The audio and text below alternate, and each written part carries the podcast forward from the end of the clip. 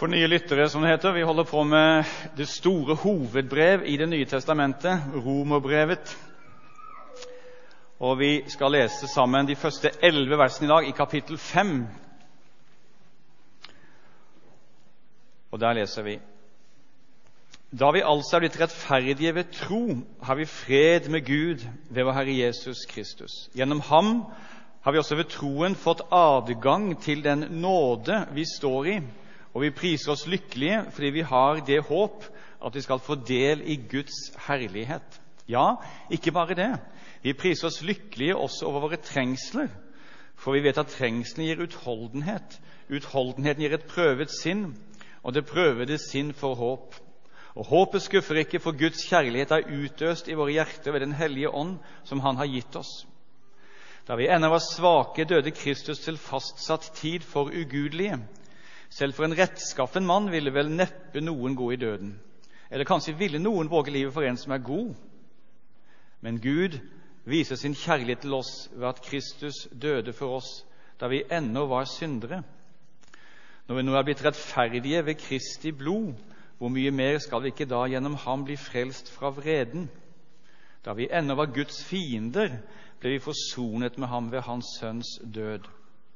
Når vi nå er forsonet, hvor mye mer skal vi ikke da bli frelst ved Hans liv? Ja, ikke bare det, vi priser oss lykkelige Gud ved Herre Jesus Kristus, Han som har gitt oss forsoningen. Hellige Far, hellige oss i sannheten. Ditt ord er sannhet. Amen. La oss nærme oss teksten litt utenfra i de spørsmål som menneskeheten har stilt til enhver tid. Jeg vet ikke hvor mange av dere som leser disse bøkene til Philip Yancy. Les dem. Han er en av vår tids mest leste og kjente kristne forfattere. og Jeg finner også hos han eh, en refleksjon omkring dette at det underlige ved at mennesker overalt, nesten til alle tider, så spør vi etter Gud. Men er det ikke underlig at vi spør etter Gud hvis det ikke finnes noen Gud?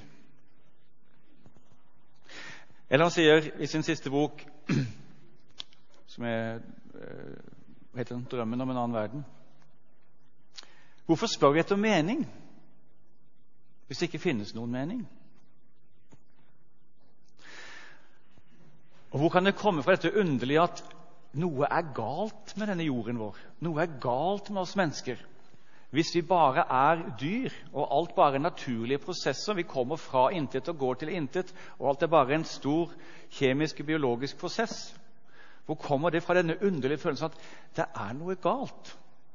Underforstått, for noe skulle jo være riktig og bedre. Det finnes overalt i alle folk og til alle tider denne drømmen om en annen og bedre verden enn den vi selv står i? Hvorfor har sjelen vår denne uro, denne lengsel etter noe mer, etter noe dypere, helere, sannere, renere? Jo, sier Bibelen, fordi vi er skapt av Gud, av ham og ved ham, og til ham er vi alle skapt. Og Den store kirkefader Augustin, som levde på 400-tallet, han har jo formulert dette klassisk 'Min sjel er urolig' inntil den finner hvile i deg, Gud. Det finnes en uro, en lengsel, og vi kan bare finne den sanne ro hos Gud selv i Jesus Kristus. Men så kan jo vi også spørre oss selv, vi som mener vi har kommet frem til Gud, hvorfor har vi da ennå en uro jo, fordi vi ennå ikke er helt fremme, ennå ikke helt hjemme. Vi er ennå underveis. Og Allikevel, for denne skjøre, porøse jord, denne skrøpelige eksistensen som vi lever i, dere, så kan vi få oppleve, og Gud kaller oss inn til det største, å få leve i og motta Hans kjærlighet i Jesus Kristus. Det er det dette avsnittet blant mange andre også handler om. Når vi kommer frem til kapittel 5, så har vi bak oss noen tunge kapitler. Og det har lysnet veldig sterkt nå i kapittel 4, som Bjørn talte om forrige søndag. Men det som Paulus begynner med i romerbrevet, husker vi, det er dette at vi alle mennesker er under dommen fordi vi bærer alle på en urenhet som vi alle kjenner i vårt tankeliv, i vårt følelsesliv. Ikke at vi alle er skurker og bedragere, men vi kjenner alle på begjæret, egoismen, selvopptattheten, urenheten. Og så sier Bibelen at alle har syndet og står uten ære for Gud. Tenk på det, dere alle, alle sier at hvis det er en Gud, så må han være kjærlig og hellig og ren. Hvis Gud er kjærlig og den fullkomne kjærlighet, må ikke den fullkomne kjærlighet reagere på all ukjærlighet? Hvis Gud var likegyldig til urenhet, til det vanhellige, hva slags Gud var det? En altfor liten Gud. Fordi Gud er hellig og ren, må han reagere på alt urent.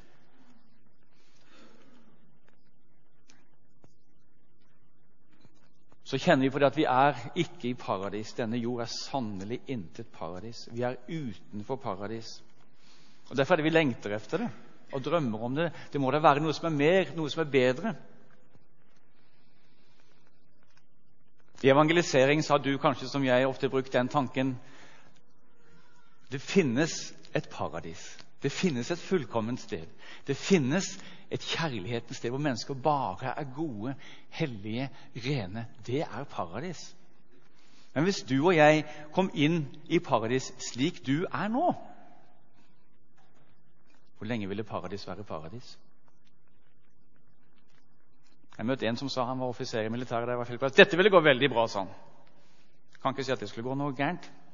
Han er den eneste jeg tror de fleste av oss innrømmer at hvis vi kom inn med oss slik vi er nå Det vi bærer på av misunnelse, baktanke, lureri, svik, troløshet Paradis ville smadres om vi kom inn slik vi er nå. Og Da blir spørsmålet hvordan komme inn? Hvordan stige inn i den nye verden som Gud har beredt oss? Jo, det der at Det nye testamentet og Paulus roper ut med fryd, med fryd og glede Det finnes en vei. Det finnes en inngang. Den inngangen går gjennom Jesus Kristus.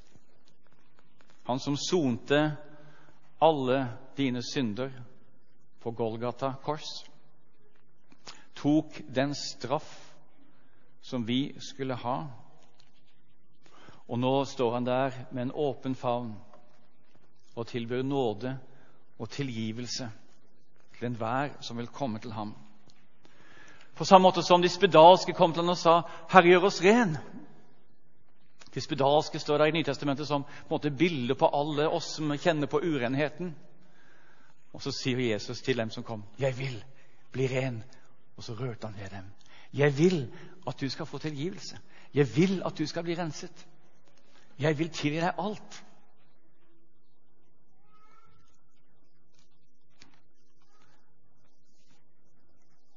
Og så sier Gud, 'Kom til ham som sonet alle dine synder.'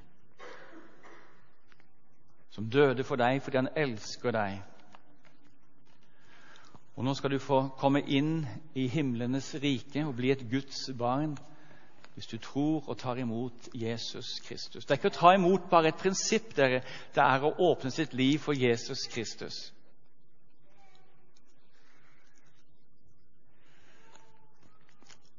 Når Jesus dør på Golgata kors, så feller Gud dommen over all verdens urenhet, og han viser at han er rettferdig. Vi bor i et moralsk univers.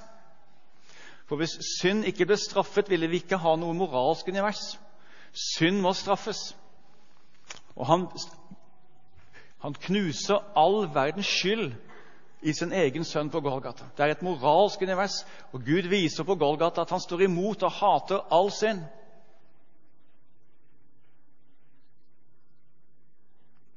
Men fordi Jesus dør, stedfortredende for deg kan du gå fri når du åpner ditt liv for Jesus Kristus. Du skal få komme akkurat som du er. Bekjenne dine synder. Og alle de som tar imot ham, gir han rett til å bli Guds barn. De som tror på hans navn. Hva er tro? Jo, tro er ganske enkelt å komme til Jesus. Bekjenne dine synder, bekjenne dine nederlag. Herre, jeg trenger din renselse, jeg trenger din nåde.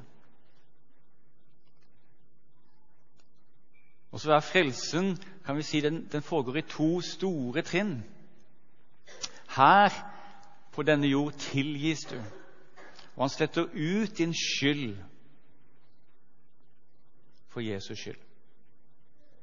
Men vi kjenner jo ennå på den onde lyst i vårt hjerte. Vi har bekjent den tidligere. Og så skjer renselsen, den fundamentale, definitive, endelige renselse av deg når du legges i graven og så står opp igjen, ren og rettferdig,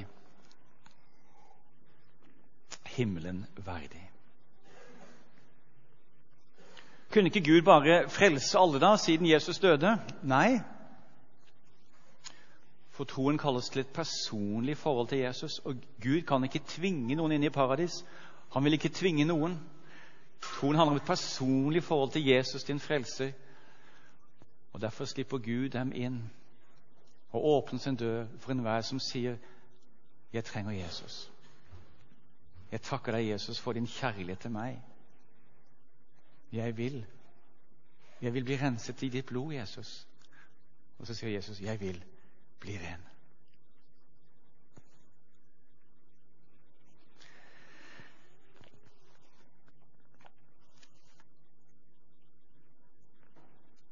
Dette har på mange måter vært hovedtema i de foregående kapitlene. Og så slår Paulus fast i de to første versene her da vi altså er blitt rettferdige ved tro, har vi fred med Gud ved vår Herre Jesus Kristus.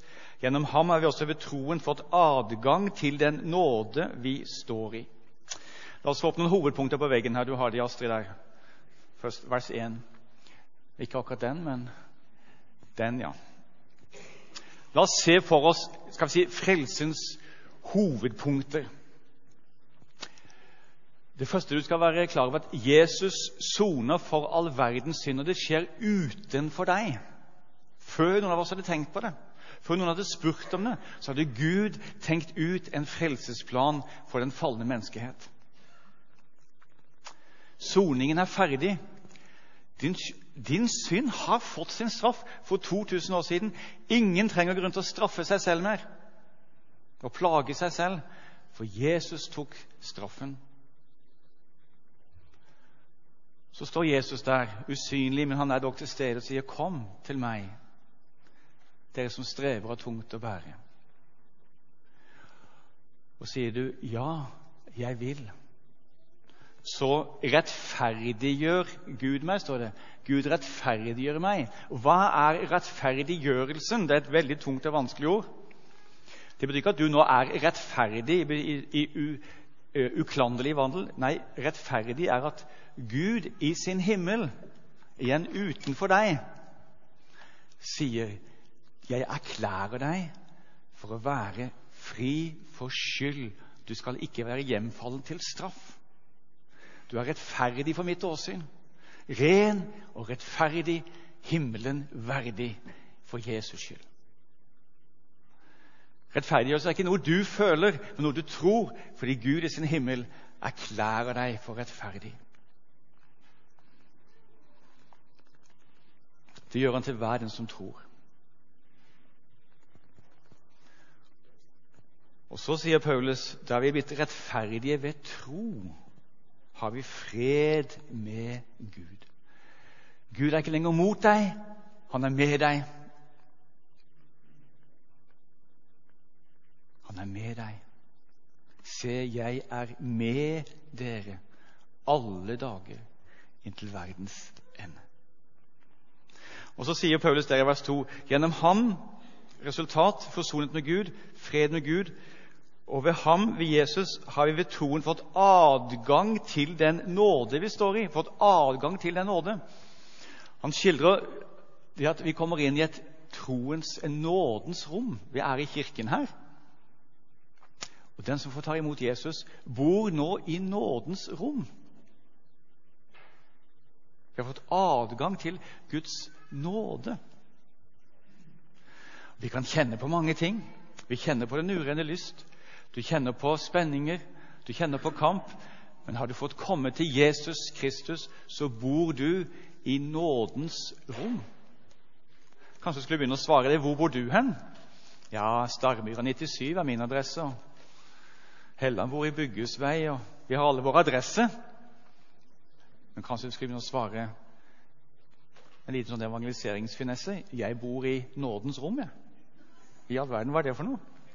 Og så vitner du om Jesus. Jeg bor i nådens rom. Nummer én For jeg er spesiell for Gud. Du er så spesiell for Gud. Du er en ener for ham. Elsket. Ja, jeg ser at dere lever.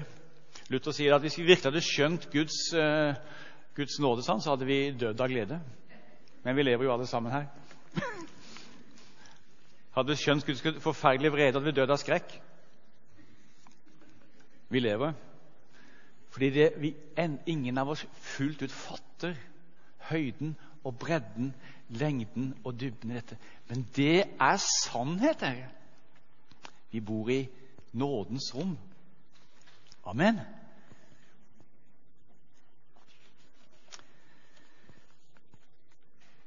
Vi priser oss nå lykkelige, sier Paulus, for vi har det håp at vi skal få del i Guds herlighet. Altså, Vi er ennå ikke fremme, men nå er vi i nådens rom, og så ser vi frem til Wow! Han åpner sine porter. Det er mange som har sett 'Herskapelig' Toppen Beck. Herskapelig? Ingen har sett den? Å oh, jo, jo, jo, jo. Det er noe eget med disse her liksom, dørene går opp, det herskapelige. Og det er liksom en drøm der Å!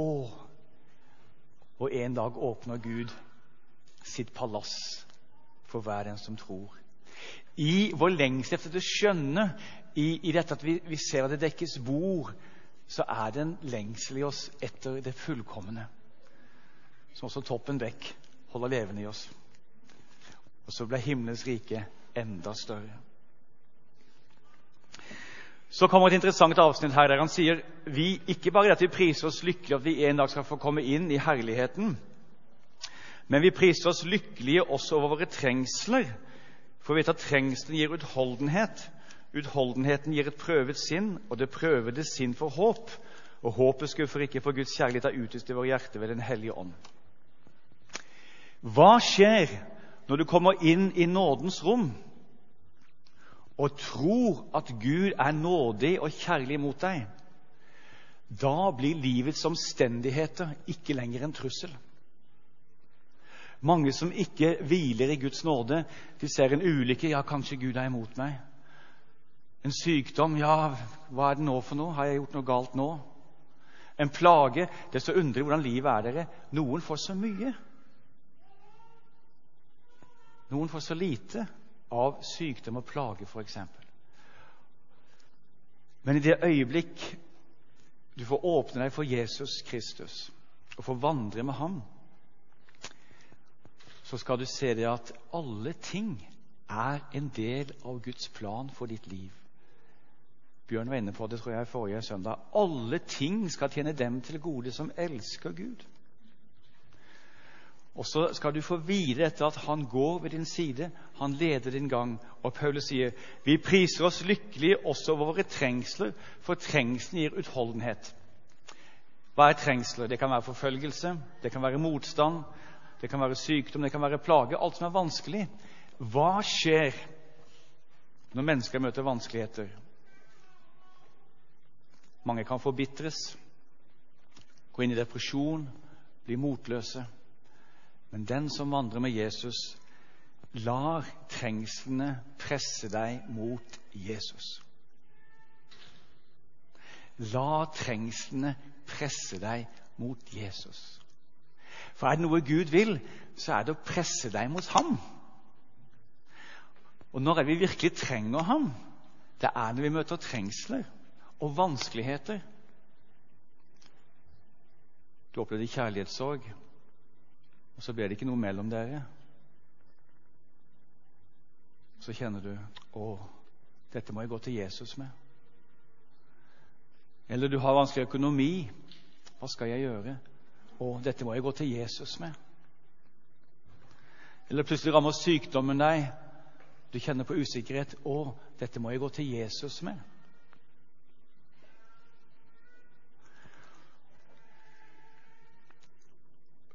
Trengselen gir utholdenhet.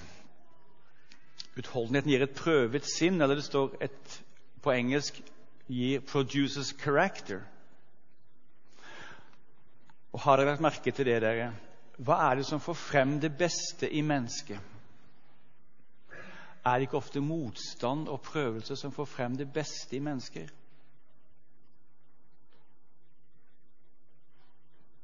Er det bare gode dager som får frem det beste i oss? Nei, ofte er det vanskeligheter som presser oss videre inn mot Gud og den hjelp som Han vil gi. Da Ellen gikk på lærerskolen, så fortalte hun hun hadde en dame der hun bare tenkte på seg selv. Hun var så forfengelig, denne medstudenten. Hun var en stor blære. Så får de et barn med Downs syndrom, og denne kvinnen forvandles. Omstendighet tvinger henne til å tenke på den andre, på det skjøre, på barnet. Og Derfor skal du prise Gud, også for trengslene, står det.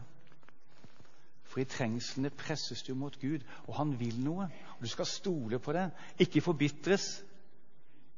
Ikke fortviles. Ikke gripes av motløshet, men spørre 'Herre, hva vil du?' Jeg vil være nær til deg. For det prøver det sin for håp.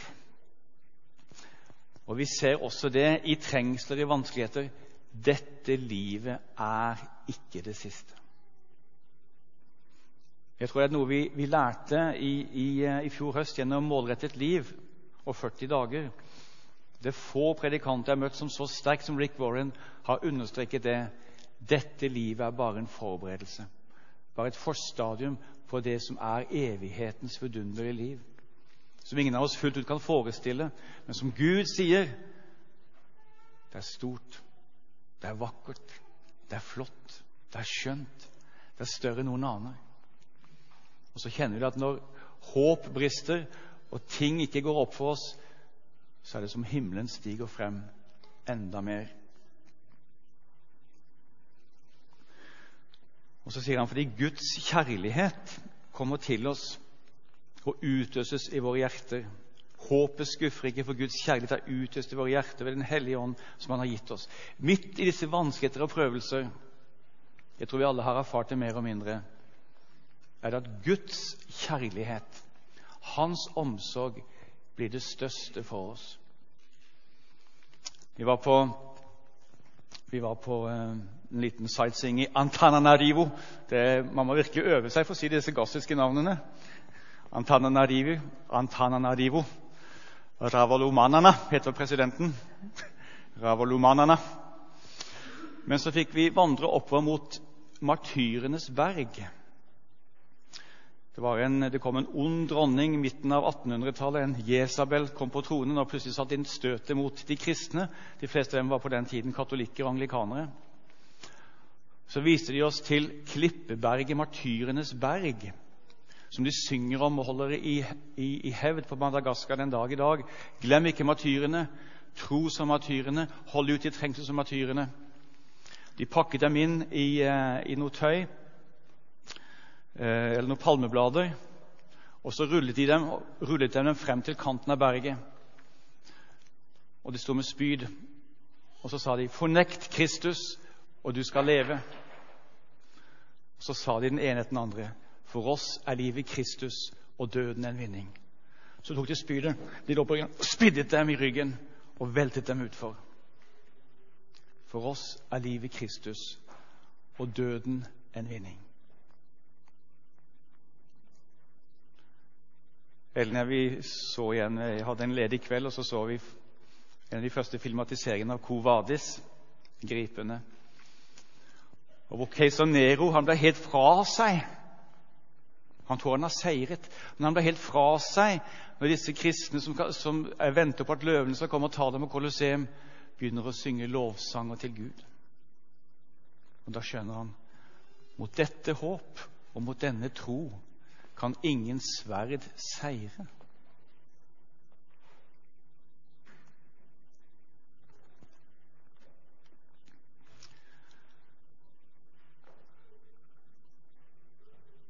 Du bor i nådens rom.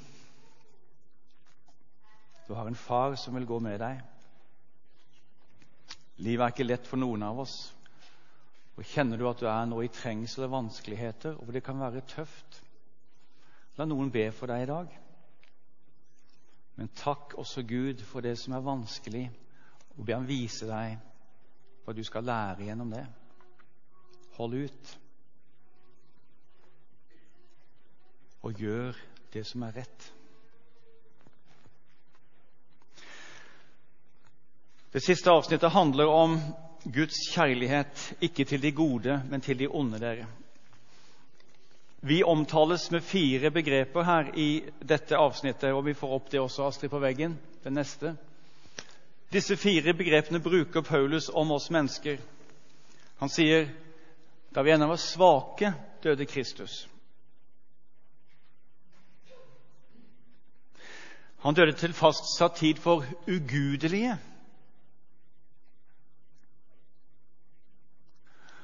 Han døde for syndere, ja, da vi ennå var fiender.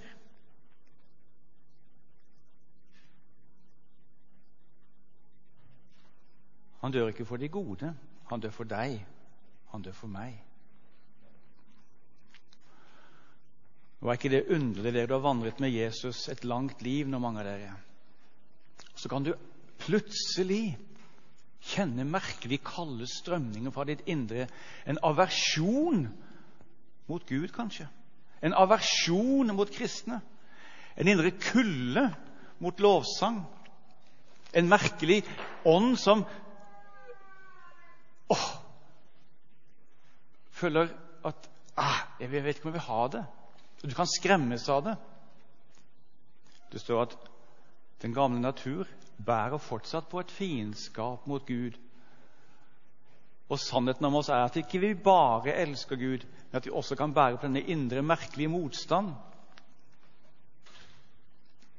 som du kjenner sorg over. For det er åndens tegn. Når du kjenner dette av og til, så kjenner du sorg over det. Og du kan engstes over det.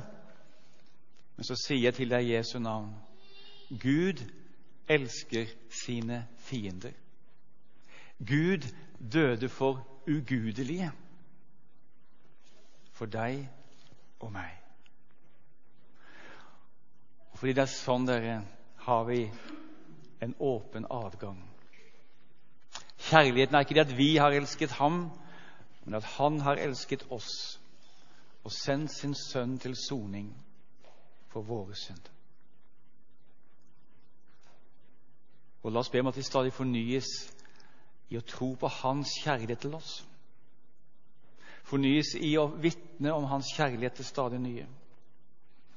Og er du her i dag som ønsker å gi ditt liv til Jesus Kristus,